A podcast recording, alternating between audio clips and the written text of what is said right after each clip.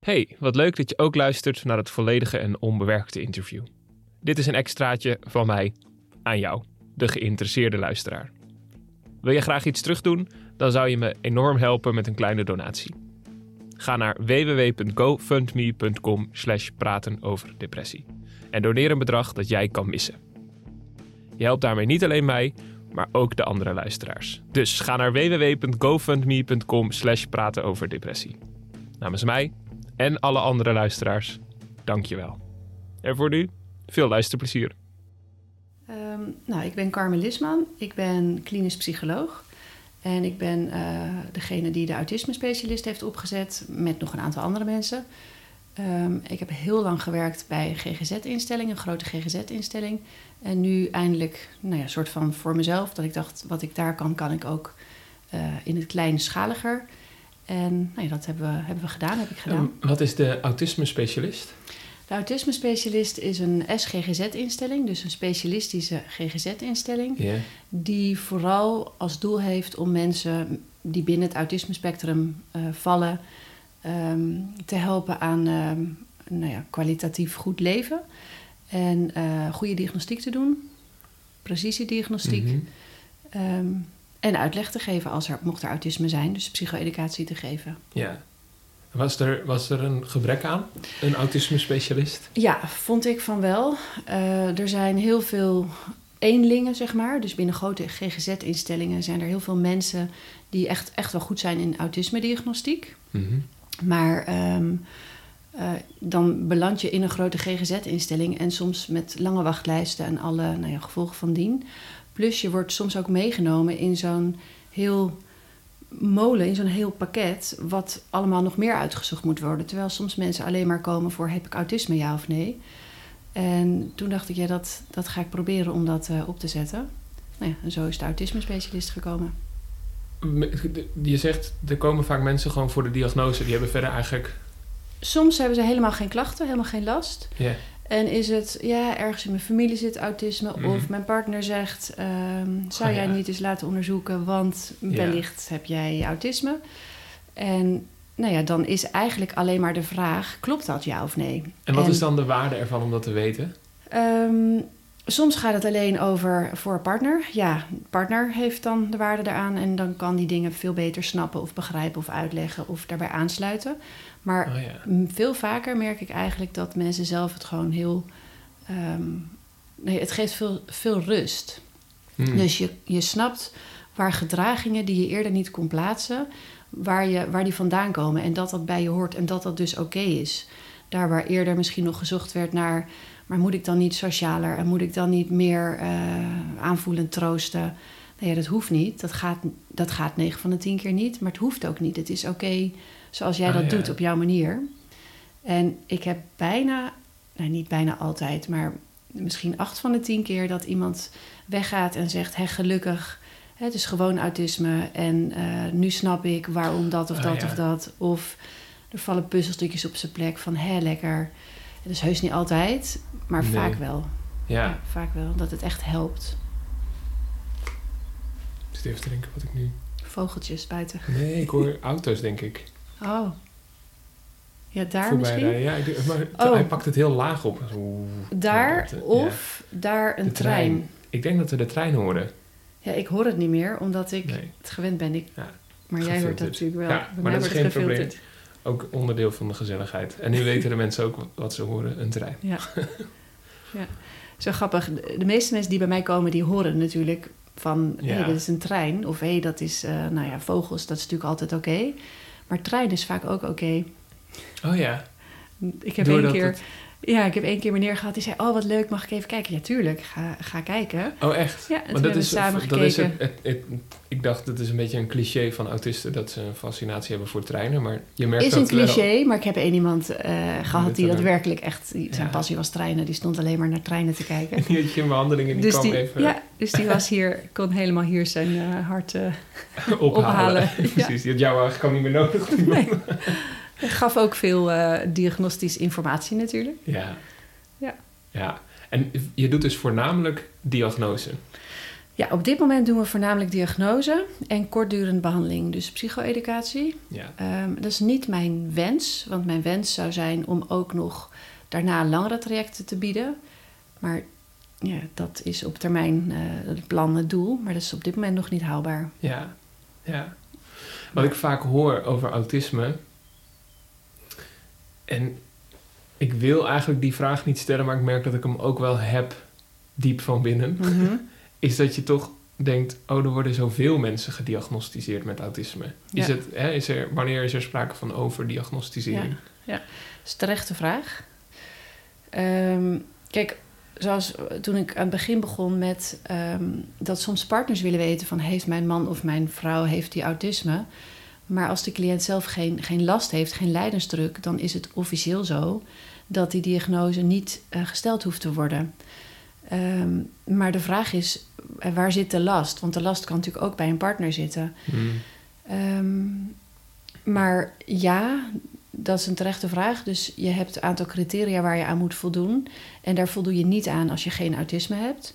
Maar dan kom je nog steeds bij een van de criteria: is er sprake van lijdensdruk? En als daar het Mhm. antwoord is op nee, ja, dan is het geen autisme. Dan mag je dat niet stellen. Oh ja. En lijdensdruk, hoe, hoe kan dat zich allemaal uiten? Vastlopen op een manier in het leven, of ehm, eh, verschillende malen burn-out van werk. Of eh, relaties niet vast kunnen houden of wel vast kunnen houden, maar telkens tegen dezelfde dingen aan kunnen lo- of lopen. Ehm, nou ja, kan van alles zijn eigenlijk. Op sociaal vlak meer vrienden willen hebben dan dat je hebt, of wel contacten kunnen aangaan, maar moeite hebben met het onderhouden van contacten. Hmm. En dat soort dingen. Ja.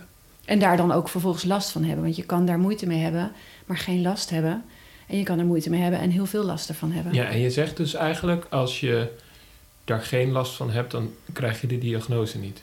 ja, ja, ik, eh, ja. ik moet eerlijk zeggen dat ik in de praktijk dan eigenlijk wel overleg van... ja, je voldoet aan alle criteria. En jouw partner geeft aan dat hij of zij merkt dat het troosten bijvoorbeeld... dat dat lastig is voor je. Of dat, dat je net niet aansluit bij wat die ander nodig heeft. Of ehm, ja, wat zullen we nou doen? Want je voldoet aan al die criteria. Het werkt bij jou op een manier zoals het werkt bij autisme. Maar je hebt zelf geen last, geef je aan. En ook niet in het verleden. En vaak zeggen de mensen zelf dan van ja, maar als ik helemaal daaraan voldoe, dan wil ik wel die diagnose, want dat hoort dan Mhm. bij mij en dat herken ik wel. Oh ja. Ja, dus zo is het ook wel een beetje, En hoe ga je daar dan mee om? ja, dan, wat ik dan doe is het netjes in het verslag verwerken. Dus eh, opschrijven, ehm cliënt voldoet aan alle criteria, daar en Mhm. daar en daarom. En dan per, oh, er wordt een kat wakker, je hoort een en dan per criterium uitleggen waarom iemand daaraan voldoet. En dan in de eindconclusie, maar lijdensdruk is beperkt, daar en daar en daarom, partner heeft Oh ja. wel last. En dan besloten wordt om toch de diagnose te stellen of niet de diagnose te stellen. Dus dat je het beschrijft. Hmm. Want wat, wat ik altijd vind is, ehm, je kan het sowieso altijd, iedereen, je kan het mis hebben, een diagnose. Ja. Het is ook maar eh, wat op dat moment wat je bespreekt. En tuurlijk neem je een ontwikkelingsanamnese af en tuurlijk een heteroanamnese.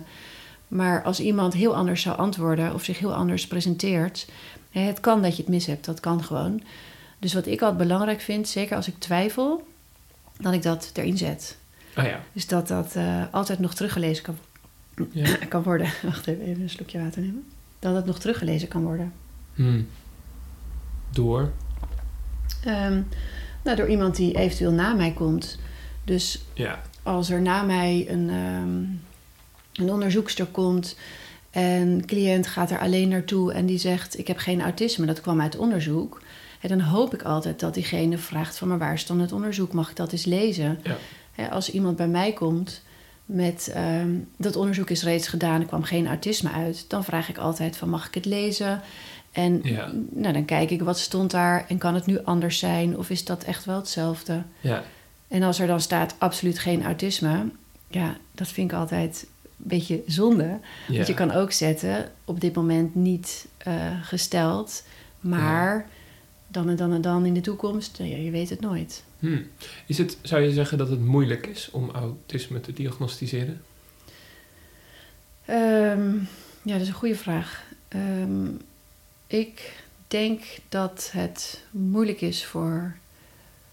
eh, dat het soms moeilijk is. En soms makkelijk, afhankelijk van wie je tegenover je hebt. Je hebt cliënten die binnenkomen en zeggen: Ik heb autisme, ik weet het zeker. En eigenlijk zo op een presenteerblaadje aangeven: Daar en daarom heb ik autisme. Dan is het makkelijk. En ja, dan die is hebben het, dan eigenlijk meestal ook wel gelijk. hebben meestal wel gelijk, ja. En dan is het ook makkelijk als je een leek zou zijn. Dus stel, jij hebt nooit autismeonderzoek gedaan, wat je denk ik niet hebt. Nee. Nee. en iemand Ik heb het dan... interview voorbereid, maar Ja, daar blijft het dat bij. is het dan. Maar eh, jij neemt een interview af bij iemand met mogelijk autisme, dan zou jij dat ook eruit kunnen halen. Want Oh ja. hè, die vragen zijn allemaal zo opgeschreven en die stel je. En ehm, nee, dan zou het ook voor jou makkelijk zijn. Maar als het ingewikkeld is, dus als de vraag is: is het nou persoonlijkheidsstoornis of is het nou obsessief-compulsief of is het Hmm. nou eh, trauma of is het autisme? Ja, dan gaat het veel meer over doorvragen en alle differentiaaldiagnostiek meenemen in je hoofd. En dus Hmm. ook wel snappen wat autisme is. En dan is het moeilijker. Ah ja. Dan is het meer een puzzel. Dat vind ik natuurlijk het leukste om uit te Ja, zoeken. om de puzzel te leggen. Om die puzzel te leggen, dat, ja, dat is wel lastiger. ja. ja. Want hoe gaat zoiets in zijn werk? Stel dat je iemand hebt... Ik ben benieuwd naar zo'n zoektocht. Mm, nou ja, je hebt in eerste instantie heb je te maken met de cliënt. Dus je zoekt uit hoe denk je nou, hoe schakel je nou, hoe gaat dat oogcontact, Ehm, wat valt mij op, wat geeft de cliënt aan. Ehm, dan probeer je er met de cliënt uit te komen, maar je hebt autisme, en daar word je mee geboren. Dat is een manier van zijn, manier van denken. Dus dat moet ook in de kindertijd aanwezig zijn geweest. Dus dan heb je een ontwikkelingsanamnese. Dat, wordt- eh, anamnese, Anamnese is, is- voor mij een te moeilijk ja, woord. snap ik, snap ik. Ik ken het nog niet. Beroepsdeformatie, sorry. Eh, dat is eigenlijk, ehm hoe leg je dat uit? Eh, een, vra- een aantal vragen aan ouders van hoe was dat nou vroeger toen, toen je zoon of dochter klein was. Dus Oh ja. hoe verliep toen het contact? Was hij eh, een jong professortje in zijn taal? Of was die juist, eh, nou ja, praatte die nog niet toen hij zes was? Ja. Was die motorisch heel handig of een beetje klunzig? Allemaal van dat soort vragen. Hoe was dat toen iemand jong was? Hm. En dat moet dan kloppen. Het is natuurlijk fijn als het precies klopt, maar dat moet dan kloppen met wat cliënt aangeeft en wat je nu merkt in het contact. Ja. Ehm, en dan heb je ook nog een hetero-anamnese, want je kan natuurlijk iemand tegenover je hebben die zegt: Ik ben heel goed in troosten, dat komt aangewaaid, dat voel ik aan. Mhm. En Want eh, hetero-anamnese is dat dus is eigenlijk dat je... een partner die dan over jou Oh, vertelt oké. van Dus wat ervaar ik in het contact. ontwikkelingsanamnese hebben we Ja. gehad. Ja. Dat is, dan kijk je eigenlijk naar je kindertijd. En Ja. hetero-anamnese, dan nodig je een partner of een naaste uit. Ontwikkeling gaat over hè, dat, hoe je ontwikkeling is verlopen en dat vraag je dan aan iemand anders. En een hetero-anamnese is iets wat je... Zo goeie, dat bedenk ik me helemaal niet dat je dat niet weet. Dat is echt heel stom natuurlijk. Ehm, maar een hetero-anamnese is inderdaad wat je uitvraagt bij een partner. Van, Ja. Je partner zegt zus of zo. Hoe beleef jij dat nou? Oh ja, en is dat wel eens, eh, ligt dat wel eens verder uit elkaar? Ja. Oh, Ja. vaker. Zie ik aan Mm. je. Ehm, meestal eh, is het zo dat als je partner bent, dat de een wel weet van de ander dat hij het anders beleeft. Dus je- Mm. dan komt er niet iets nieuws op tafel. Maar ik heb ook wel eens meegemaakt dat een cliënt zegt: Daar ben ik heel goed in. Eh, ik voel alles aan. En dat partner dan aangeeft. eh, nou, ik denk daar wat anders over, want Oh, die, ja. die punten sla je soms de plank mis of heb ik wel iets anders nodig dan wat je mij biedt. Dat Ja. soort, dat hoor je ook zeker. Ja, Kan beide kanten op eigenlijk. ja, grappig. Ja. Lijkt me... ja, Is wel lastig, want dan heb je wel wat te bespreken met elkaar. Toch Ja. ook in, in zo'n. eh, als je met elkaar aan ja de tafel zit. zeker. Van, je beleeft het alle twee heel anders. eh, Ja. maar ja, je gaat wel, ze moeten wel verder met elkaar. Dat is wel het Ja, dat is uitgangspunt. het uitgangspunt dan. Ja. Ja. Ja. Ja. Grappig. Ik moet erom lachen. Ik, ga dan, ik, ga dan, ik denk, dat, ik denk dat, dat, ik, dat heel veel mensen dat hebben als ze over autisme lezen of spreken of horen. eh, dat je het langs jezelf gaat leggen. Dus dat Ja. je ook meteen gaat checken van, oh, dat herken ik ook wel. Ja. Want als jij nu zegt, Ja. ik bedoel, mijn partner zegt ook wel eens...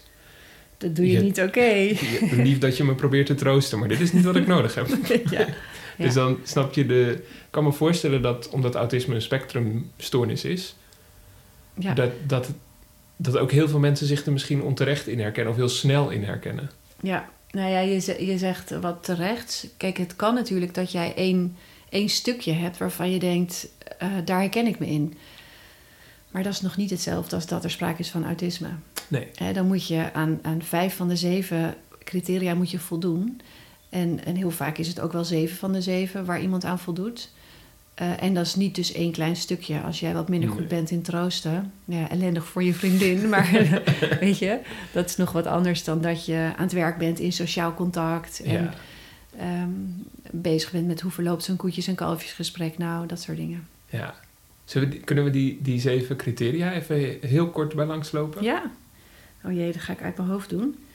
Oeh, Kijken of ik dit onder weet. druk. Eh, ja. Ehm, ja, je hebt eigenlijk twee groepen. Je hebt groep A en groep B.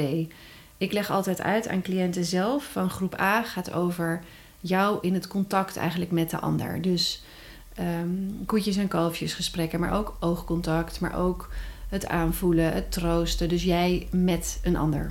Dat is een deel van de vragen. Dat is een deel van de Of de vragen. criteria. De, ja, Ja. ja. criteria. Dus A heeft eigenlijk drie groepen onder zich. En Die kan ik je zo uitleggen nog. En groep B, zeg ik altijd, gaat meer over een soort van eigen... wat bij jezelf wordt, eigen gedragingen... maar ook ehm, gevoeligheid voor licht en geluid... en niet per se in contact met die ander. Hm. Eh, groep A is het moeilijkst om uit te zoeken. Hè? Want als ik aan jou vraag... hoe troost jij je partner en voel je dat aan of beredeneer je dat... Dan Hm. krijg ik heel vaak zo'n wazige blik van... ja, dat doe ik wel. Maar ik weet eigenlijk niet of ik dat aanvoel... of dat zo aangewaaid komt... of dat ik dat beredeneer of ik hard aan het werk ben Ja. in mijn hoofd. Is best moeilijk om uit te zoeken soms. Ja. Ehm, maar groep B, dat gaat veel meer over... ben je gevoelig voor licht en geluid? Eh, hoe, hoe, hoe ga je om met veranderingen? Kan je dat handelen? Of is dat lastig voor je? Ehm, en, en dat weten de meeste mensen makkelijker over zichzelf dan... Nee, hoe zit dat nou in interactie met de ander? Dat is vaak Ja. moeilijker. Oh ja. En eh, die zeven criteria doorlopen, wil je dat eh, doen? Ja, heel, ja, als dat kan even... Ja. Ja, nou ja, goed. Ik weet niet eh, of het... eh, Mm, dat, dat kan. Ik haal altijd de, de... Want mensen vragen dit natuurlijk ook. Waar moet ik dan aan denken? En wat kan ik verwachten voorafgaand aan een interview? En ehm, A1, dus het eerste criterium van A... dat gaat meestal... Wat daar het belangrijkste meestal in is, bedoel ik, is... ehm, de koetjes en de kalfjes gesprekken. Dus als jij een gesprek hebt over onzindingetjes, over Mhm. het weer... ehm, verloopt dat dan eigenlijk, ik noem altijd hersenloos. Dus zonder dat je, je, je brabbelt maar wat, je, je lult maar wat, als ik dat zo mag zeggen. Je ouwehoert maar wat. Ehm, en ben je eigenlijk vooral bezig met die lijntjes trekken met de ander. Van hoe verhouden we ons nou ten Mhm. opzichte van elkaar? Van gaan wij nog lekker met elkaar? ja. Versus, hè, dat hoort bij niet-autisme. Ehm, en het geeft vaak energie. Versus, ben je aan het werk in je hoofd van wat is nu het volgende wat ik moet zeggen? Oh jee, hoe ga ik het gesprek over het weer, hoe ga ik dat gaande houden? Ja. Of oh, hoe, kun ik, hoe kan ik dit onderwerp over dat lekkere weer, hoe kan ik dat zo snel mogelijk op iets inhoudelijks interessanters krijgen? ik zie jou kijken. Ja, ik vind het zo grappig. Dat, dit- daar herken ik me ook in. maar misschien, misschien, niet- misschien kom ik dit interview uit met een diagnose. dat kan natuurlijk ook. Nou ja, dan heb je nog steeds waar we mee begonnen, van heb je last? Ja, precies. Maar we zitten hier natuurlijk niet om eh, in, eh, wat is het, korte tijd een diagnose te stellen. Nee, weet ik. Maar goed, die, die is ehm, belangrijk. En, en onder A1, dat criterium valt ook... eh, moet ik even uit mijn hoofd... hoe troosten verloopt, of je dat aanvoelt... Ja. of dat dat zo aangewaaid komt... of dat je af en toe daar de plank in mislaat. Ehm, eh, nou ja, eigenlijk jou in contact met die ander. Het tweede gaat over oogcontact. Hm. Ik ga meteen naar jou Ja. kijken. Ja, eh, ja, meteen maar is wel. als je oogcontact bespreekt, dan uh, dus hetzelfde als ademen heb ik altijd. ja. Als, het, als het gaat over ademen, dan Dan ga je ineens, ja, klopt, is ook zo, is ook zo. Zo grappig dat je die metafoor noemt, want ik gebruik dat vaak hetzelfde Oh ja. als eh, ademen. Dat bij mensen zonder autisme oogcontact eigenlijk verloopt als ademhalen. Je weet niet, Oh ja. niet zozeer, ja, nu, ik weet nu dat ik ademhaal, Ja. omdat ik daaraan denk, weet je wel zo. Maar eh, oogcontact verloopt eigenlijk hetzelfde. Je bent er niet Ja. mee bezig, dat gaat automatisch. ja, tenzij het bespreekt. Tenzij het bespreekt, inderdaad. Eh, maar bij mensen met autisme, die maken ook heus oogcontact. Net zo Hmm. prima, net zo goed. Want die weten ook waar de ogen zitten van de ander. Ja. Eh, maar het is veel meer een soort van taakje. Iets waaraan gedacht moet worden. Eventjes, hè, heus niet hardop tellen. 1, 2, 3 kijken, 1, 2, 3 Nee. wegkijken. Ja. Maar wel ja, waar, je, waar je mee bezig bent. Meer bewust van, oh ja, even aankijken. Oh, ik kijk te lang weg. Of als er dan een moeilijke vraag komt... dan wordt er vaak weggekeken, omdat Hmm. alle aandacht uitgaat naar een vraag. En dat doen mensen zonder autisme ook. Alleen de duur daarvan is langer. Dus hè, als jij Oh, mij een ja. vraag stelt en is- ik heb autisme, dan ehm, kan ik dus een vraag, ik zit nu naar de zijkant te kijken natuurlijk, kan ik die vraag dus al kijkend naar de zijkant heel de tijd beantwoorden. Ja. En eh, niet alle mensen met autisme doen dat, maar mensen zonder autisme doen het in ieder geval niet. Nog één keer. Nou kijk, als, als ik jou een vraag stel, Ja. dan kijk je ook eventjes weg van... ja. even denken. Ja. ja. En dan kijk je weer terug, want je bent bezig met informatie vangen uit mijn ogen. Van hoe bedoelt Carmen nou iets? Of, of eh, bedoelt ze het grappend of, of niet? Of, en je haalt informatie uit mijn ogen eigenlijk. Ja. Ehm, bij iemand zonder autisme werkt dat zo, maar bij iemand met autisme wordt informatie ook bij die ander vandaan gehaald, maar niet alleen de ogen. Er wordt veel meer context gebruikt. Dus wat weet ik Oh, van ja. iemand? Hmm. Wat is er net gebeurd?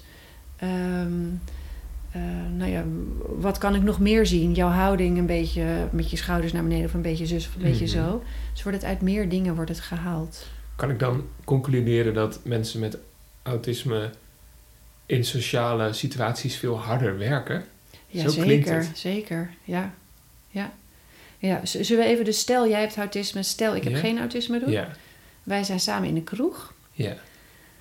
Dan ben ik, ehm, ja, ja, dat woordje hersenloos weer, maar op een andere manier lukt het me niet zo goed om duidelijk te maken. Maar dan ben ik hersenloos aan het kletsen met iedereen die we nog meer meegenomen hebben.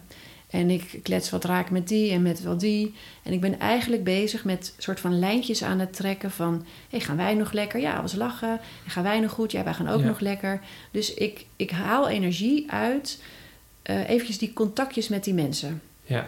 ook heus zinnige dingen te zeggen, heus wel. Maar eigenlijk ben je vooral contact aan het maken. Ehm, dat gaat hersenloos, kost geen energie. Jij, als je autisme hebt, bent op diezelfde manier... je ziet soms niks aan de buitenkant... bent op diezelfde manier in gesprek met mensen... maar bent veel harder aan het werk. Oh jee, wat is nu het volgende wat ik ga zeggen? Ehm, oh wacht, Carmen is met mijn broer in gesprek... of met mijn vriendin of met mijn wie dan ook... Eh, en die kijkt zo en zo. Hoe moet ik dat interpreteren? Ja. Oh, wacht, mijn gesprekspartner die reageert zo en zo. Eh, doe ik dat wel adequaat? Hoe moet ik dat begrijpen? Hmm. Dus er, is, er wordt hard gewerkt eigenlijk in het hoofd over het onderwerp zelf waar je het over hebt. Maar ook wat gebeurt er in de omgeving. En ook wat gebeurt er in interactie Ja. met mijn gesprekspartner. Ja. Dus jij gaat naar huis. Je komt thuis. En je bent kapot moe. Ik ga naar Dan huis. moet ik alles verwerken. Ja, ik ga naar huis. Ik ben moe omdat het twee uur s'nachts is waarschijnlijk. Ik ben het niet Ja. meer gewend. Maar ik ga slapen en ik denk, wat een leuke avond. Ik word wakker en denk, nou, was lachen. Ja. was een leuke avond. Maar jij wordt wakker de volgende ochtend en denkt... Je hoofd gaat heel hard aan de gang. Ja. Heb ik dat goed geïnterpreteerd? Hoe kan ik dat anders doen? Wat heb ik daarop gezegd eigenlijk? Heb ik dat wel adequaat gedaan? Had ik dat nog iets beter kunnen doen? Eh, hoe heb ik zus of zo geïnterpreteerd? Dus dat hoofd, dat, dat is niet rustig en stil. Dat, dat gaat door. Mm. Dat is nog die hele avond aan het herkauwen. Ja. Een soort van ja, uitdenken, maar ook om het in de toekomst beter te doen. Ja. Ik kan me voorstellen dat dat ook vaak dan... dat de periode van diagnose van autisme vaak ook samengaat met de periode waarin iemand in een depressie zit. Ja, ja klopt. En dan is het natuurlijk belangrijk om te differentiëren wat is wat. Hè, ja, dat je niet precies. Is dat moeilijk uit elkaar te trekken soms? Ehm, eh, nou, niet alle criteria gaan daarover. Dus wat ik altijd probeer uit te leggen, eh, want deze vraag krijg ik natuurlijk ook wel vaak van mensen zelf. Van, maar hoe weet je nou of het mijn depressie is of dat het autisme is? Ja. Je voldoet niet aan al die zeven criteria als het alleen een depressie is. Hmm. Hè? En ehm, hoe, hoe iemand denkt of schakelt, staat los van een depressie. En in het sociaal contact, dan vraag je voortdurend van dat, hoe is dat nu, gegeven de depressie, maar hoe was dat vroeger? Dus je kijkt voortdurend naar de periode voor de depressie. En Hmm. daar heb je natuurlijk ook die ontwikkelingsanamnese waar we het over hadden. Ja, wat, wat ouders invullen heb je daarvoor. En dan krijg je een beschrijving van hoe iemand was als kind.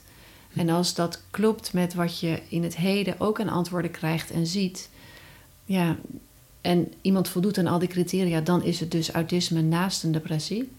Maar als dat in de kindertijd helemaal niet aan de orde was en ehm, de, de angst bijvoorbeeld voor sociale gesprekken uit angst om afgewezen te worden, of nou ja, kan van alles zijn, Mhm. is alleen nu in het heden. Ja, dan moet je dus kijken hoe kan ik het dan snappen? Hebben we Ja. dan te maken met een sociale angststoornis, met een depressie? Hebben Ja. we te maken met trauma? Dus je kijkt eigenlijk hoe iemand over zijn hele leven is, was Ja. en functioneert. Ja. Dat is eigenlijk het belangrijkste. Ja, want autisme is er dan altijd geweest. Komt niet als er uit de lucht vallen, nee. Dus dan eh, een depressie heb je ontwikkeld. Ja, en datzelfde geldt ook voor ehm, sociale angst. Dat kan je ook ontwikkelen. En datzelfde geldt ook voor complex trauma bijvoorbeeld. Daar word je ook niet mee geboren, gelukkig. Ja. Verschilt eh, de behandeling van depressie van bij eh, mensen zonder autisme van die van met mensen met autisme? Ja, goede vraag. Eh, ja, deels ja. Ehm, daar waar in de richtlijnen depressie staat, dat activeren eh, onder de mensen. ehm, uiteindelijk volgt het gevoel dan vanzelf, dat wat daar geadviseerd wordt. Dat is bij autisme heel vaak ook weer niet helpend. Dus als je een, ik zeg altijd maar even, al een overvolle emmer hebt met wat er allemaal in zit. En daar zit in sociale contacten, werk, eh, hobby's, maakt niet uit wat. En die emmer is overvol. En je raakt, doordat die emmer overvol is, eigenlijk overprikkeld. En daardoor denk je jezelf klem en raak je somber. Dan is het niet zo wijs om nog veel meer in die emmer erbij te proppen. Mhm. Dus activeren onder de mensen, extra sociale ja, maar contacten. dat zou je bij, bij iemand met een depressie normaal Dat doen, gesproken ja. zeggen. Bl- Blijf Ja. zorgen dat je naar buiten gaat, dat je onder de Ja. mensen bent. Ja, en dat is dan too much. Dan, dan raakt iemand nog meer overprikkeld, waardoor hij zich totaal klem kan denken. En uiteindelijk ook nog gedachten heeft als: jeetje, zelfs behandeling kan ik al niet. Wat voor een loser ben ik dan? Oh ja. Terwijl het is niet zo dat ze dan behandeling niet kunnen, maar de behandeling is niet passend bij wat nodig is voor die cliënt. Ja. En wat, wat mensen met autisme vaak vanuit zichzelf goed doen, is eh, terugtrekken. Hm. En het hoeft niet de hele tijd voor altijd, maar voor Ja. dat moment, als die emmer overvol is, is het wel wijs om eventjes te zorgen dat die niet nog weer meer gevuld Ja. wordt. Ja. Ik zit zo te doen met mijn hand, maar met, met druppels, zeg maar, Ja. met prikkels. Kan het scherm, ik kan niet, ik Ja. er afgeleid, Ik weet niet hoe die eh, uitgaat. nee, aan is gegaan, maar ik denk door bewegen van. Oh, Oh, dat ja. vindt mijn partner zo niet goed als ik hier op druk en dan met grof geweld. Of kan ik hem. eh, Geen idee. Oh, wacht. Maar hij wordt ook eh, bestuurd op dit moment. Lijkt het. Want dit ben ik, wacht even. En, Ja, ik zit niet mee te lezen, maar ik was gewoon gefascineerd door wat er gebeurt. Ehm, zet uit.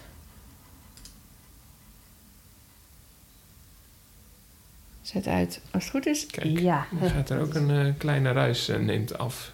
Oh, is dat zo? Is dat Ja, ik weet niet wat dat... eh, ja. Oh, ja? Dat is Ja, van dat alles tegenwoordig met straling eh, gaande. Dus. Dat hoor jij natuurlijk. Ehm, maar eh, we waren bij eh, een een diagnose of behandeling eigenlijk van eh, depressie bij autisme. Ja, dat het niet altijd aanslaat bij autisme vanwege activeren, Ja. wat niet per se handig is bij Ja. iedereen met Maar autisme. het klinkt, klinkt bijna als het tegenovergestelde moeten doen. Eh, ja, soms is dat zeker het geval. Ja, daar gaat hij weer. Oh, hij Ja. is hem aan het afsluiten, denk ik. Ah, Of mijn wordt op partner afstand zit bestuurd. met de... Wacht even, nog even. Hij is nu uit, geloof ik. Jawel? Ja.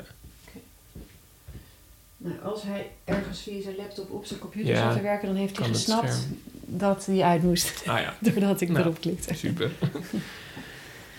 Sorry, nog een keer. Ehm, ja, dat dat eigenlijk haast de, het tegenovergestelde is van wat mensen met autisme nodig hebben. Hè? Dat Ja. was wat je zei, ja. Ja, soms is dat zeker het geval. Ja, En doe je eigenlijk iets wezenlijk kwaads, nou kwaads, maar hè, je laat mensen, terwijl ze al overprikkeld zijn, extra hun best doen om sociale contacten te ondernemen of andere activiteiten, terwijl het eigenlijk op dat moment niet past. En later wel misschien, maar op dat moment niet. Hm. Op dat moment moet eerst die emmer leeg. Dus kijken wat zit erin, hoe kan je dat anders indelen, wat kan eruit. Zijn er onderwerpen waarmee je we kunnen helpen, waarmee we je kunnen helpen? die, die hele emmer vullen als het ware.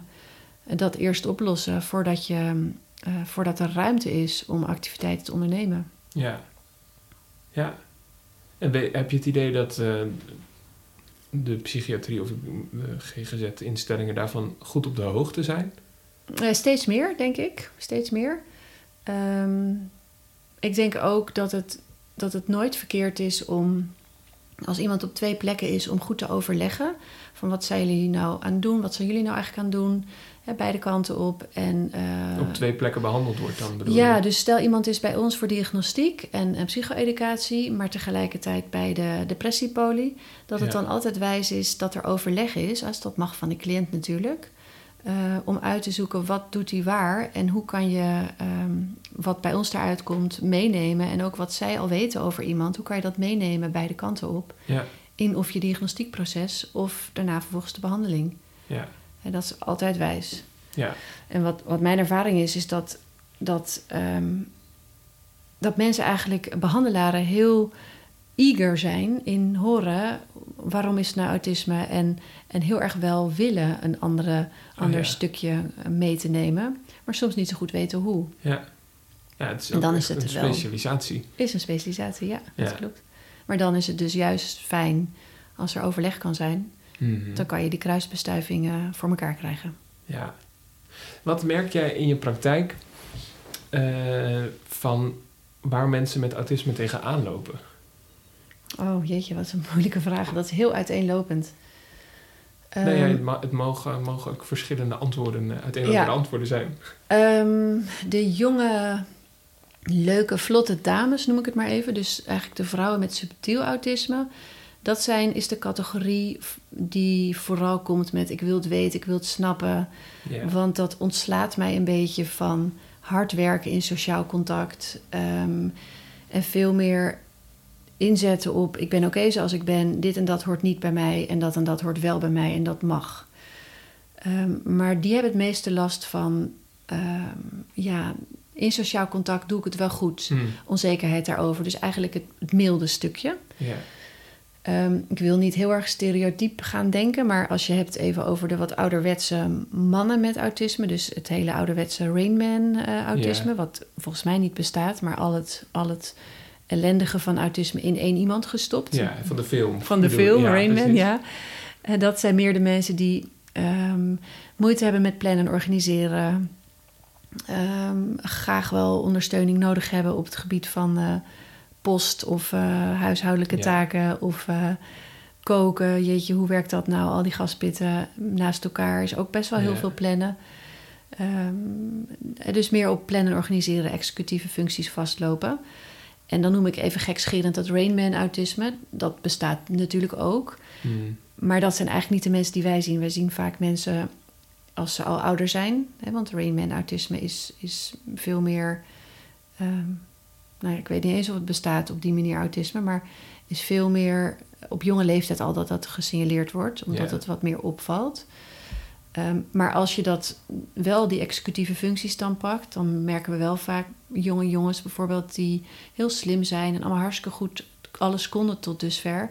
maar dan vastlopen op een scriptie. Omdat net zo'n scriptie... ja, wanneer is het goed genoeg? Wanneer is het af? Wat verlangt die ander van mij? Ehm, een heel groot doel opknippen in kleine stukjes. En hoe dat dan te doen? Ja, daar Ja. heb je bij uitstek je executieve functies, het plannen, organiseren daarvan voor nodig. ja. En dat merk je dan dat ze daarop vast kunnen lopen. Wat me opvalt aan je antwoord is dat je, maakt een onderscheid tussen milde eh, en wat extremere autisme. En eh, tussen neus en lippen door maak je daarbij ook een onderscheid tussen autisme bij vrouwen en bij mannen. Ja, ja de- eigenlijk is dat niet heel eerlijk. Want ehm, ik had laatst een man en die zei eh, heel schoorvoetend... toen dacht ik, ja, god, dat is natuurlijk ook waar ook. Ja, ik denk dat ik me kan vinden in het autisme bij vrouwen. Oh, Toen ja. dacht ik, ach god, dan is dus eigenlijk er best wel veel aandacht... voor subtiel autisme bij vrouwen, noem ik het maar even. Ja, Terwijl er ook mannen zijn die subtiel autisme hebben... en die zich herkennen in die, in die vrouwenversievorm. Ehm ja, dat is niet heel aardig naar de, naar de mannen met autisme. nee. Maar van, van oudsher werd het vaker en meer herkend en gezien bij mannen. Als je ook kijkt naar vragenlijsten, dan wordt er veel meer op de mannen dingen wordt er getoetst of gecheckt. Namelijk, Oh, ja. eh, onthoud je nummerborden. Nou ja, er zijn ook heus vrouwen, of heb je iets met nummerborden? Er zijn ook heus vrouwen die daar iets mee hebben, maar de meeste dames die ik ontmoet hebben er helemaal niks mee. Oh ja. En ja, dan kan er toch autisme zijn, maar dat is dus nu waar er veel meer aandacht voor is. Maar ja, er zijn ook mannen die niks hebben met nummerborden, dus die niet op die algehele screeningsvragenlijsten Mhm. scoren en wel gewoon autisme kunnen hebben. Ja. Ja, nee, dat, dat, Toch? Ja. ja, dat klinkt logisch. Ja, ja. En nou ben ik hier terechtgekomen, want ik, ik doe een onderzoek dan naar risicogroepen. En Ja. een van de risicogroepen eh, voor depressie is... zijn mensen eh, met zijn- autisme. Ja. Ja, maar ik, zij, er zijn ook eh, LHBTI-personen. Ja. En ik heb een persoon geïnterviewd die hen identificeert als non-binair. Ja, Dus eigenlijk daar weer tussen valt, ja. als ik het goed zeg. Ja. Of, ja, of niet vanuit... Dus komt... Ja, wat is mijn vraag hier eigenlijk over? Komt dat vaker voor, ook bij autisme misschien? Ja, ehm, ja is dat zo? Ehm, er zijn artikelen die daar wat over zeggen. Ook hier in cijfers moet ik je mm, Mhm. schuldig blijven, weet ik niet. Ehm, wat ik vaak merk, maar dat is los van transpersonen natuurlijk, Mhm. is dat mensen met autisme überhaupt best wel moeite kunnen hebben met wie en wat ben ik, wat Mhm. hoort bij mij, wat vind ik fijn, maar ook dus waar val ik op. Ja, dus vragen van gender en geaardheid Ja, Die komen heel veel vaak voor. sterker bij mensen met autisme, Ja. zeg je. Dat is wel wat, wat wij merken, ja, zeker. Ehm, en dat gaat dus over geaardheid, maar dat gaat ook over eh, wat, wat vind ik leuk. Dus keuzes maken. Wat hoort bij mij? Wie en wat ben ik gewoon als persoon? Mhm. En ik kan het eigenlijk uitleggen nou, op verschillende manieren. Maar een van de manieren is als je bij alles een, een ehm, bijvoorbeeld in het maken van keuzes, een voordelenrijtje en een nadelenrijtje kan benoemen. Maar bij de volgende keuzevraag die daarop volgt, weer datzelfde. En bij de volgende vraag, keuzevraag van ja, maar als je die keuze maakt, dan dat en dan dat. Weer dat je alle, alle kanten op kan uitdenken van, hè, van mogelijkheden. Dan is het uiteindelijk maken van een keuze is super moeilijk. Ja. En ehm, op het moment dat er dan iemand vraagt van, maar wat hoort dan bij jou? Wat wil jij? Mhm. Dan heb je datzelfde aan de hand. Ja, wat hoort bij mij? Wat wil ik eigenlijk? En als je niet automatisch aanvoelt wie en wat jij bent en dus wat goed is voor jou en wat bij je hoort, dan heb je verschillende mogelijkheden, denk ik. Eén is je doet wat die ander van je verlangt, veel meer een beetje chameleon. Eh, ander is ehm, je laat het even bezinken en je gaat eerst bij jezelf te raden. En dat kan zijn cognitief, dus beredeneren, of eh, dan kan ik erbij wat ik voel. Maar het is zelden, nou zelden weet ik niet of ik dat zo moet zeggen, maar het is best lastig om op het moment zelf voor mensen met autisme te voelen: wat wil ik, wat hoort bij mij, welke Mm. keuze maak ik, Eh, punt. Oh ja. Omdat die cognitie dan als een razende Ja. aan de gang gaat. Ja, want die probeert, als ik je goed begrijp, zeg je voor, voor iemand met autisme, die gaat dat proberen in kaart te brengen. De- Ja, toch? veel meer, ja. Eigenlijk eh, Ja. bijna schematisch ja, zo kan het. dingen tegen elkaar afwegen. En soms zijn er wel vrouwen die wel automatisch aanvoelen, maar dat en dat moet ik doen. Maar dan heb je, ik doe altijd even zo alsof sociaal-emotioneel is het stuk onder je hoofd. En cognitief is, is je hoofd. Dus dan is sociaal-emotioneel is absoluut ontwikkeld. En er wordt wel gevoeld van dat of dat hoort bij mij, dat past bij mij, dat kan ik wel. Maar daarna gaat alsnog die cognitie aan de gang en of alles kapot denken van nee, dat kan niet daar en daar en daarom. Of alsnog eroverheen beredeneren. Ja, dus dan, dan worden vragen over, over je gender en geaardheid ook veel complexer van, Ja, zeg je dus ja. eigenlijk. En, en dat maakt dat ik vaak hoor, ik val op personen. Of Ja. ik klik met iemand. Ja, En dan is er dus niet zozeer een, een gedachte over ehm, of dat dan een man moet zijn of een vrouw moet zijn. Dat vind ik zelf heel mooi dat dat zo kan, juist. ja, ja, Maar eh, nou ja, dat, dat kan daarmee te maken hebben. ja. Ja. Grappig. En er is ook, een, ook wel echt een werkelijk een, een eh, overlap. Ik had daar laatst een seminar over gezien. En, en er werd wel mooi uitgelegd dat je hebt soms ook autistische gedachten uh, van ik wil vrouw zijn, want vrouwen zijn socialer. Of ik wil man zijn, want dan ben ik beter in dat en dat. Ja, dan ben je dus natuurlijk niet een transpersoon. Dan is veel meer de nee. gedachte en de koppeling die je gemaakt hebt passend bij autisme. Ja. Maar dat is dan goed om uit te zoeken. Ja, dat moet wat, je weer wat uit is, elkaar trekken. Uit elkaar ja, trekken. precies. Het is niet zo, je kan dat niet... Nee. Nee, nee we moeten ervoor oppassen dat we dat niet aan elkaar klikken ja, nu. ja, precies. Maar er is een, uh, een correlatie. Er is een je. correlatie, ja. Maar niet een Ja. uh, verband of zo. Nou, het is niet per se zo als je autisme hebt, dan, Nee, dan nee. en dat en dat. Maar Net zoals dat je bent niet depressief per se, of niet als LHBTI autistisch of dat soort dingen. Dat, ja, dat, moet, al- dat moet je allemaal uit elkaar allemaal uit trekken. elkaar trekken. Ja. Nee, dat klinkt ergens logisch, maar ik merk ook als ik mijn eigen interviews terugluister dat je soms dat bijna ongemerkt doet. Ja. Dat je dingen heel snel aan Ja. elkaar klikt. Ja. Die- wat ze natuurlijk niet van zichzelf zijn. Dat is eigenlijk het allerbelangrijkste. Wat jij doet in een interview, dat doen wij ook in onderzoek. Dus gewoon willen snappen hoe werkt iets, hoe zit iets dan? En, en die vragen durven stellen. Ja, En eh, dat gaat over eh, eh, voorkeur waar je op valt, tot en met wie en wat ben ik, tot en met, nou ja, kan van alles zijn, maar proberen Mhm. dat te snappen. ja. Ik vind dat eh, wel echt interessant. Dat dat, ik had dat niet van tevoren bedacht. Dat daar die link zou zijn. Ja, dat die, Ja. ja. Maar als je het zo uitlegt, vind ik het weer heel logisch klinken, ja. Ja, toch? Ja. Ja, ja en er is nu natuurlijk ook maatschappelijk veel meer aandacht voor Ja, Ja, gelukkig. HBTI, QA plus vraagstukken. Ja, dus dat maakt misschien ook weer dat voor mensen met autisme die, die vraag veel actueler of relevanter. Ja, ja. En. Maar ik kan me voorstellen dat als je niet zo goed weet wie en wat ben ik en wat hoort bij mij en waar val ik op en wat vind ik fijn en wat vind ik niet fijn. Als je dat niet zo helder hebt, dat je Mhm. ook eerder je gaat afvragen van, ehm, maar betekent dat dan zus of zo? Hè? Dus Mhm. dat je, dat je eh, het gaat invullen ja, voor jezelf. Terwijl als je veel meer aanvoelt, ik val op mannen of ik val op vrouwen en dat weet ik zeker, punt mhm. dan lijkt me dat makkelijker dan als je die puzzel nog meer ja, aan het leggen bent Ja. in je hoofd. ja. Maar goed, zo simpel is het waarschijnlijk niet. Nee, nee, nee. Toch? Ja. Ja, Want je had een, een eh, interview gehad met iemand over dit onderwerp al, toch? Ja, ja, want ik was... En ik weet ook niet precies hoe dat komt, waarom dat dan buiten de cijfers valt. Maar ik was onderzoek aan het doen dus naar risicogroepen en kwetsbare groepen voor depressie. Ja. Er stond een heel lijstje opgenoemd. Daar stond au- autisme, ben ik helemaal niet tegengekomen. Maar misschien... Dat is grappig. Ja, toch? Ja. Daar kwam ik op via een interview. Met, die Met- met, met die, diegene, met ja, diegene ja. die dat zei. Met Leslie was dat. Met Leslie. En Leslie had of heeft ook autisme, of niet? Ja. Ja, wat grappig. En daardoor dacht je, hé joh, link. Ja, nou, ik zou dan? een interview doen, eh, eh, dus voor de koppeling LHBTI-depressie. En we hadden dat interview gedaan en ik zei, we hebben het eigenlijk heel veel over autisme gehad. En toen kwam je op autisme en toen ja, kwam je bij en mij toen uit. dacht ik, ja, en toen, toen zei ik in dat gesprek van, ja, eh, wat, hoe groot is dat verband eigenlijk? Is autisme niet een risicogroep? Dat leek me eigenlijk heel logisch. En toen ging ik dus even zoeken en ja, Kwam je bij cijfers uit?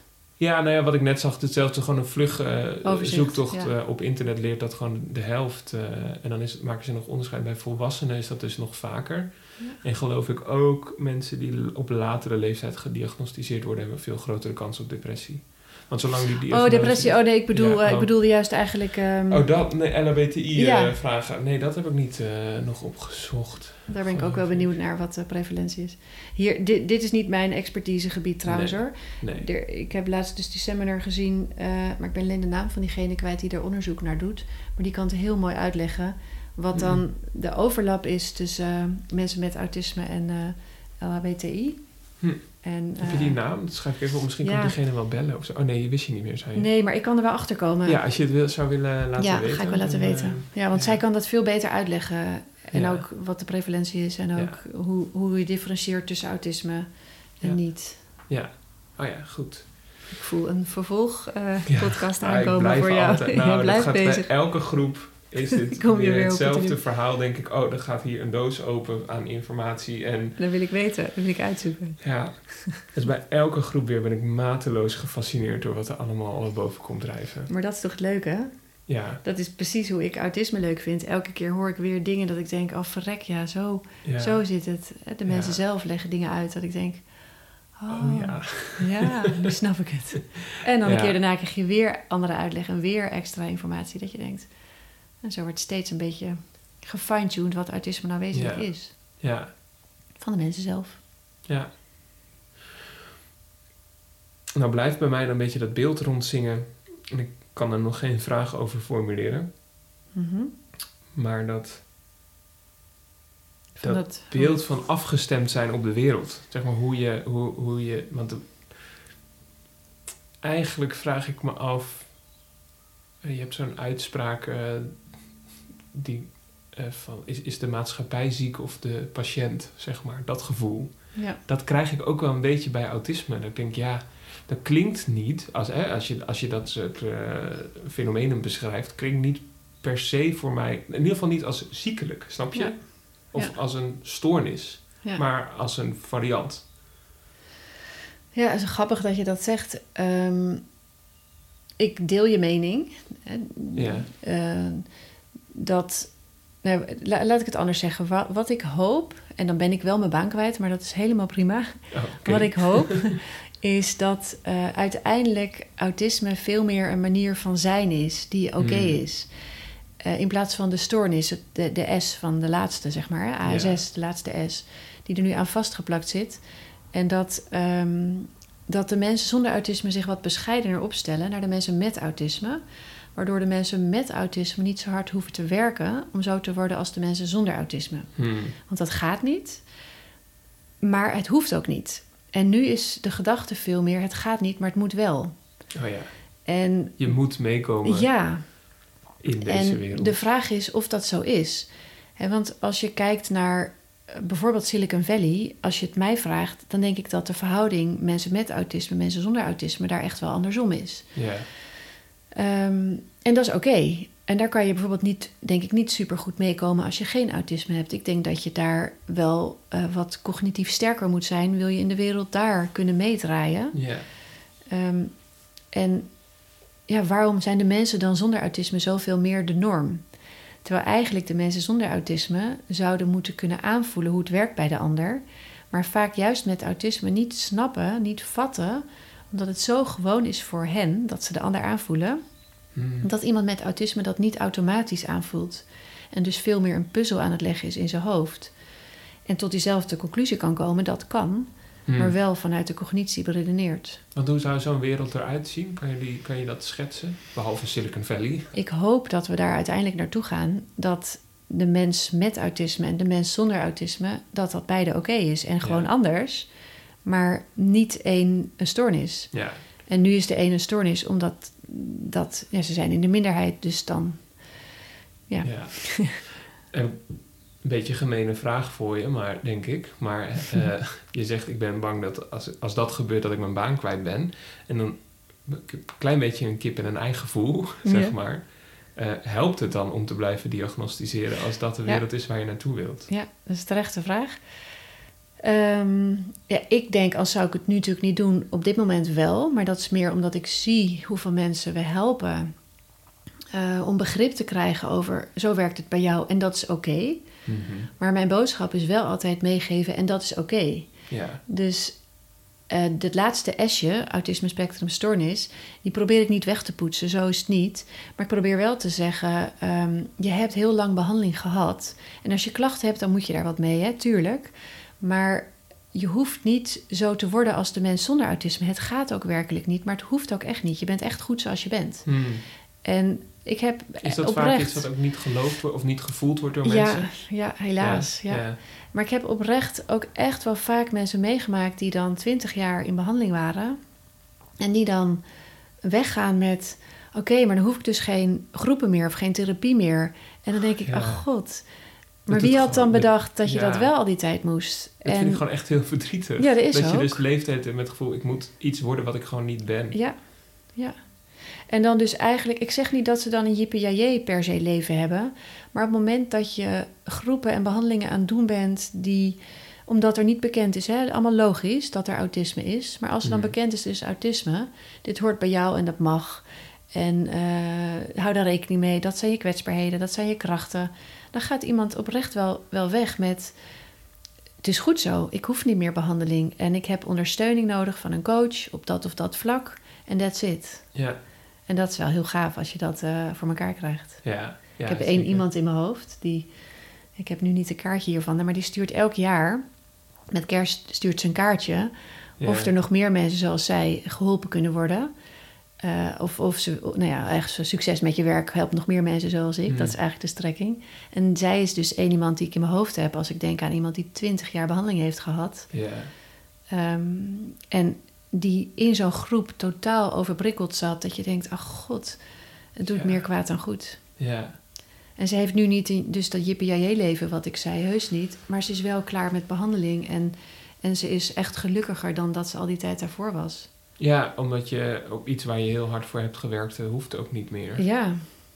Ja, Dat het kan is nog steeds heel... superveel ademruimte rust, geven en ja. rust. Ja. Ja. Maar dat is precies die rust waar ik het in het begin over had. Van, eh, die je dan zo iemand gunt. Dat puzzelstukjes op zijn plek vallen. Ja. En dat je dan weet, oké, dit hoort bij mij. En daar hoef ik niet zo hard meer voor te werken.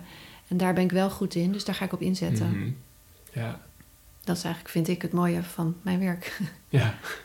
En dat is dus waarom ik zeg, ja, we moeten dat nu wel doen. Want het is nu niet zo dat autisme eh, een andere manier van zijn is. Dat is nog niet het geval. Nee. En vooralsnog heb ik denk ik dus de taak om uit te leggen... bij jou werkt het zo, en toevallig heet dat autisme... en bij iemand anders werkt het zo. En misschien wordt, dat hoop ik... dat zou niet over tien jaar zijn, ook niet over vijf jaar... maar eh, dat uiteindelijk mijn werk zou zijn... een soort van vertaler tussen de personen met autisme en zonder autisme. Hm. Mediator in plaats van diagnosticus. Ja, ja. ja, precies. Ja. Uitleggen van hoe werkt het Oh, bij ja. de een en bij de ander. Mediator in plaats van diagnosticus. Dat vind ik wel een mooie eh, uitspraak. Doe ik toch nog iets op, het, op dat vlak, maar dan niet meer in de, in de versie zoals ik dat want nu wat kan je, wat kan, wat, ehm, wat kan ik bijvoorbeeld bewust doen als ik daar meer aan tegemoet wil komen? Aan mensen op het eh, autistisch spectrum. Ja. Ehm, ja, de allerbelangrijkste houding vind ik altijd... ik heb geen idee hoe het bij jou werkt, leg het me uit. Hm. En Lijkt dat, me überhaupt een überhaupt de is mooiste dat- houding naar ja, andere mensen in toch? het leven. ja. ja. Maar dus ook naar mensen met autisme. Maar dan alles wat, hoe het bij jou werkt, laten varen. Dus als ik automatisch aanvoel of denk aan te voelen... eh, die voelt zich niet op zijn gemak daar en daar en daarom... ehm, dat dubbelchecken. Of eh, ervan uitgaan dat het niet zeker is... dat die ander dat ook zo aanvoelt bij mij. En ehm, uitleggen wat je doet en waarom. Kun je een voorbeeld geven? Misschien Ehm, of een soort situatieschets dat... Even denken hoor. Ja, een heel, ik moet denken aan iemand die me dat laatst vroeg. Die vroeg, eh, hoe weet ik nou of iemand wel of niet verliefd op mij is? Toen dacht ik, wow, dat is een goede vraag, maar ook een hele moeilijke vraag. Want dat voel je aan. Iemand Ja. ziet je zitten of iemand Ja. ziet jou niet zitten. En als je verliefd bent, wordt dat natuurlijk ook een beetje gekleurd. Maar dat is wel iets wat je aanvoelt. Ehm, dan moet je dus helemaal weg, wegdenken hoe het bij jou werkt. En, en alsof je een heel jong iemand, sociaal-emotioneel jong iemand, uitlegt wat verliefdheid is. En niet in Jip en Janneke taal, want Nee. je zit gewoon met een, eh, een eh, jonge professor aan tafel qua denken. Maar wel in, ehm, ja, jong in, in sociaal-emotioneel. Ja. En dan uitleggen wat dat is en hoe je dat dan kan merken. En dan voorbeeldjes van, nou, als iemand wat vaker naar je toe komt, ik noem maar even iets gek. Of iemand, als iemand voortdurend wegdraait van je. Of als iemand ehm, toenadering zoekt. Of als iemand, en wat is dan toenadering? Op Hmm. dat niveau uitleggen. ja. Dus eigenlijk zoals je zou uitleggen als je kinderen hebt aan een kindje van, hoe weet je nou of eh, Klaasje verliefd op mij is? ja. Nou, dat kan je zien doordat hij dat of dat of dat doet. Zus, zus, zus of zo. Ja. Dat niveau, maar dan met andere taal. ja. Gewone. Dus, je, dus eh, het antwoord op de vraag wat kan ik do- doen Ja. of zo is... Wegdenken hoe oud iemand is in kalenderleeftijd. En aansluiten bij... Die stelt de vraag niet voor niks, heeft geen idee. Dus dat ga ik uitleggen hoe ik denk dat het werkt. Met eigen voorbeelden. ja. Ehm, maar dan wel op een cognitief hoger niveau Ja. dan hoe je dat zou doen bij een kindje. Ja. En die eigen voorbeelden, het zijn eigen voorbeelden, dus het is nooit de, de, de hoe zeg je dat, de norm. Ehm, maar ik merk dat ik bij mensen met autisme veel meer uitleg over hoe iets werkt bij mij. Dan, als ik, dan dat ik dat doe bij mensen met borderline klachten bijvoorbeeld. Of met, ik zeg maar even, heel andere, andere Mhm. stoornis. Ik denk dat jij in je werk eh, heel veel over jezelf leert dan ook. Eigenlijk wel. Als je gedwongen wordt, Ja. tussen haakjes, hè, Ja. om, om dingen Ja. uit te leggen die voor jou misschien wel eh, dagelijks zijn of triviaal of vanzelf gaan. En iemand vraagt je daarna, maar hoe werkt dat? Dan. Zeker waar. Er, er zijn dingen waarvan ik denk, ja, ik heb geen idee van hoe werkt oogcontact eigenlijk. Ja. En dan moet je dat gaan uitleggen. ja, Ehm, en zo kom je eigenlijk door, door, ook wel door de mensen zelf die dan komen met: is het dan dat of dat of dat? Is het dan gelijk als ademhalen? Dat je denkt: hé, verrek, ja. dat is het precies. En, en zo kom je op ja, metaforen die dan goed raken of pakken. En die vraag ik dan natuurlijk altijd: mag ik die gebruiken? Want dat is een hele mooie uitleg die je daar Mm. geeft. Dat eh, dekt precies de lading. ja. Nou ja, en zo steeds wat pro- probeer je dat perfecter te krijgen of beter te krijgen of beter uit te leggen ja. door de mensen zelf. Ja, leuk. Dus het lijkt me, lijkt me leuk om op die manier dus zelf ook bevraagd te worden. Ja, ja. Indirect. Ik krijg heel veel privévragen van... ja, maar Carmen, hoe weet jij dan... hoe merk jij dat dan... dat iemand verliefd op je is... of dat jij Ja. iemand leuk vindt of wat dan ook. ja. Ja, dan moet je ik in ieder geval heel diep graven. Hoe was dat ook weer? en dan dat is al even niet meer gebeurd. Is al even niet meer gebeurd. Ik heb al lang een partner. Dat is al een beetje weg. Ehm, maar dan graven van hoe dat dan voelt. En dan krijg je vragen, jonge vragen in feite. Van, maar wat voel je dan aan de binnenkant? Oh ja. Gewoon, weet je, dat soort vragen. Dat is ook heel mooi, vind ik. Het zijn Maar hele mooie vragen. Als echt, iemand eh, zich zo ehm, kwetsbaar durft op te stellen door die Ja. vragen te stellen. Ik krijg wel vragen eh, die mensen stellen dat ik denk... Ja, ik vind gewoon dat je ze vraagt inmiddels, want eh, ik weet dat je ermee kan zitten, dat soort vragen. Maar waarvan ik dan hoor, heeft eigenlijk nog nooit iemand zo uitgelegd hoe dat dan werkt. Ja, En dan denk ik, ja, dat is wel omdat de medemens zonder autisme zo uitgaat van hoe het bij hem of haar werkt. En dus niet kan voorstellen dat die ander zoiets bazaals in zijn of haar ogen niet automatisch aanvoelt of niet weet. ja, En weten is natuurlijk nog iets anders dan aanvoelen. Want weten doen heel veel mensen met autisme natuurlijk wel. Ze weten Mhm. dat en dat is de definitie van iets. Ja, maar aanvoelen is gewoon een veel Aanvoelen, moeilijker. ja. eh, ja, Daar zit het hem dan in, ja. tof. Ja. Ik had mijn broertje geappt voor het interview, Ja. want hij zit op het spectrum. Ja. En ik zei, heb je nog vragen? En hij heeft me wat geappt. Misschien Oh, wat heb ik het al wel gevraagd. Wat leuk zeg. Ja, nou, hij, hij is, maar hij- dit interview gaat een beetje over hem. hij heeft net de diagnose gekregen en zit in een depressie. Ah, ja. Ehm.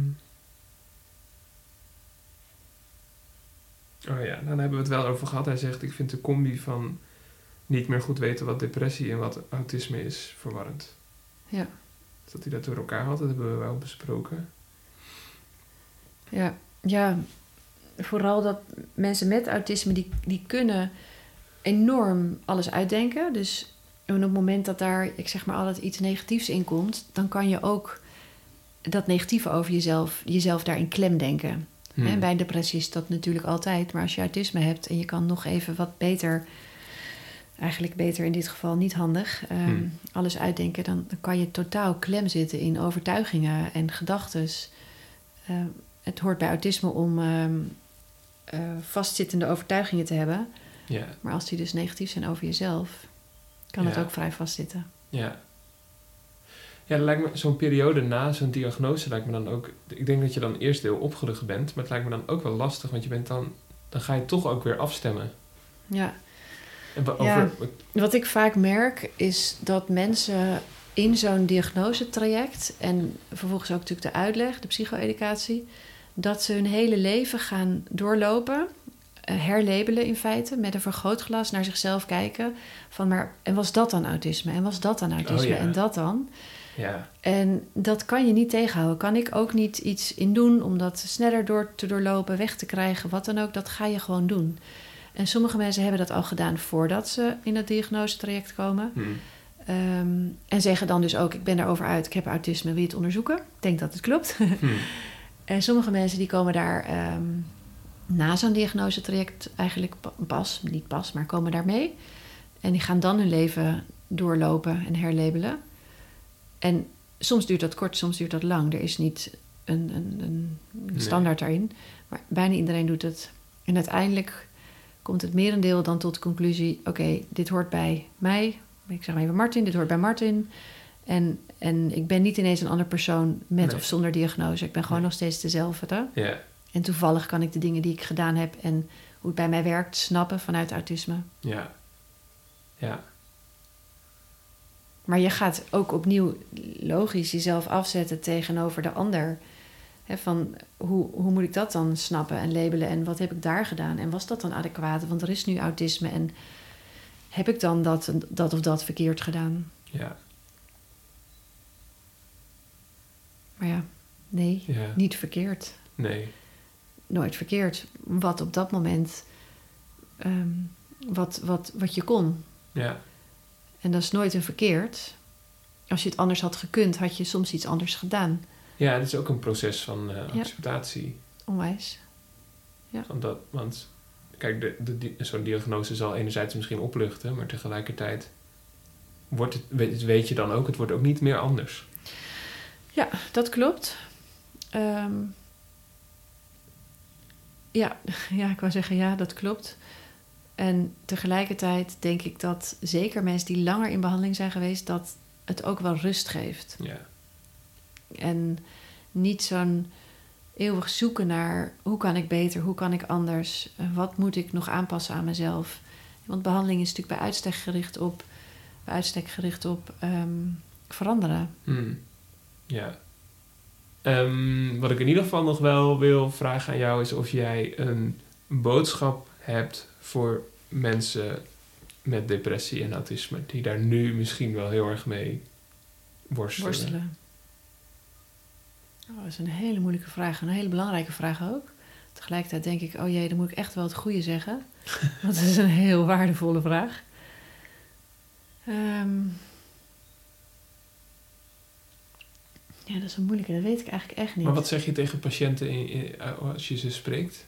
Bijvoorbeeld daarover? Ja, eigenlijk... ehm, maar dat gaat meer over het behandelstukje. Hmm. vertrouw ook op dat wat jij zelf doet wat goed is voor je. Dus als de cliënt zelf het idee heeft, ik, het is me allemaal te veel, ik moet me nu terugtrekken, hoeft niet voor altijd of voor, voor heel lang. eh, volg dat dan, in plaats van dat je zo heel hard gaat werken en al die ballen hoog gaat houden, omdat dat doet de ander ook. En iedereen heeft dit in zijn emmer en iedereen kan dit. Ehm, ja, nee, jij niet op dat moment. En Hmm. misschien een langere tijd niet. Ehm, dus als je behoefte hebt om terug te trekken, laat dat eventjes gaan. En eigenlijk zelfs ook als een behandelaar zit op activeren bij depressie, want dat moet. Leg uit van ja, maar er is autisme en ehm, dan is het voorkomen van overprikkeling eigenlijk een eerste belangrijke doelstelling. En als dat wat allemaal rustiger is, wat verminderd is, dan kan je gaan Ja. kijken wat zit er in mijn emmer en hoe kan ik dat anders indelen. En dan kan je iets eruit gooien, eruit flikkeren, zeg maar. Mhm. Of je kan kijken, alles wat erin zit moet er wel in, maar op een andere manier.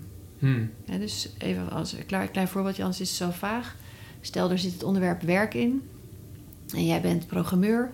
En je vindt het ontzettend leuk om te programmeren. Of nou, je bent interviewer. Je vindt het ontzettend leuk om te interviewen.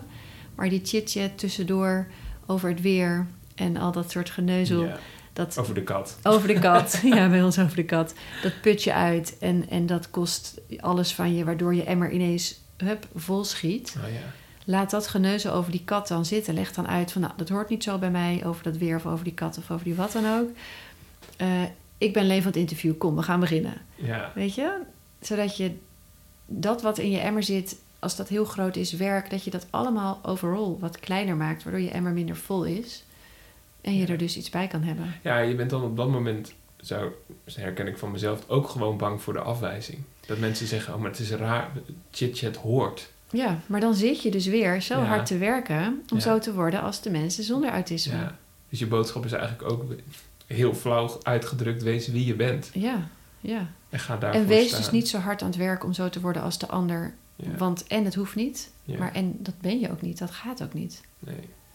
Dat En, is, en ja, dus de mensen zonder autisme, als je merkt dat dat chitchatten, dat het niet zijn ding is, ga dan niet extra chitchatten, omdat het bij jou zo werkt om, om je op je gemak te krijgen. hè. Dat je dan denkt, maar daar, daar stel ik die ander ook mee op zijn gemak. Ja, Nee, ik vraag echt nooit meer.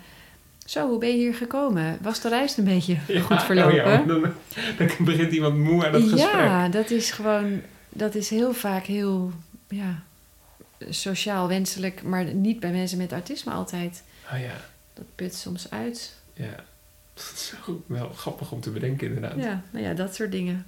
Ja, En soms werkt dat natuurlijk ook wel, maar ga niet uit van je eigen referentiekader. ja, ja, Maar goed, dat is de tip aan de mensen zonder autisme. En de tip aan de mensen met autisme: wees meer jezelf. En, eh, of mag jezelf zijn. ja. En vertrouw ook op wat jij denkt dat goed is voor je. En leg dat uit aan die ander waarom je denkt dat het goed is voor je. Hm, Als ja. je het weet van jezelf. Ja. Ik moet ook zeggen dat de mensen die ik ken, die op die manier voor zichzelf staan, gewoon zeggen, ja, ik heb hier behoefte aan of ik heb dit nodig, dus doe ik dit. Ja. Die waardeer ik altijd enorm. Dat vind Ja. ik zo pre- vind ik Maar het zo... is wel knap hoor, als je dat ja, kan. dat is heel knap als je dat kan. En ik vind het zelf ook heel moeilijk om te kunnen. Ja. Maar de, de, het verraderlijke zit erin als je voor de vraag staat, kies ik nu voor mezelf? Eh, dat je bang bent dus dan voor de afwijzing. Terwijl in mijn ervaring naar anderen toe, als mensen inderdaad kiezen voor Oh ja, zichzelf... zo. Ja, ja. Dat je Dan- niet afgewezen wordt juist. Nee, dat waardeer ik juist enorm. Denk ik, oh, dat vind ik echt, daar heb ik echt bewondering voor.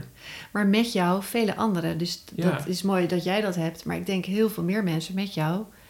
Als die ander maar uitlegt ook waarom hij of zij dat nodig heeft. Waar die voor gaat staan. ja. Omdat het niet zo vanzelfsprekend is soms voor die ander om Nee. datzelfde nodig te hebben of te durven vragen. ja. ja daardoor, daar, mede daardoor loont het de moeite om gewoon dat zelfonderzoek te doen en naar jezelf Ja. te kijken te, te denken, oh Ja. ja, dit, hier sta ik. Ja, Mooi. dus Ehm dankjewel voor het interview, Zeker, voor je tijd en al je kennis. Heel graag gedaan. En eh, ik ga aan het editen. Deze podcast wordt betaald door jullie, mijn luisteraars. Wil jij ook een bijdrage doen? Ga naar www.gofundme.com slash praten over depressie. En doneer een bedrag dat jij kan missen. Dus www.gofundme.com slash praten over depressie. Namens mij en alle luisteraars, dankjewel. Benieuwd naar de volgende aflevering? Abonneer je dan op Praten over Depressie. Vertel je vrienden over de podcast en laat een review achter in jouw podcast-app. We zijn ook te vinden op Facebook en Instagram.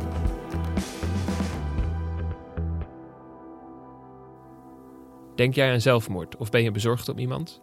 Bel 113 of ga naar 113.nl.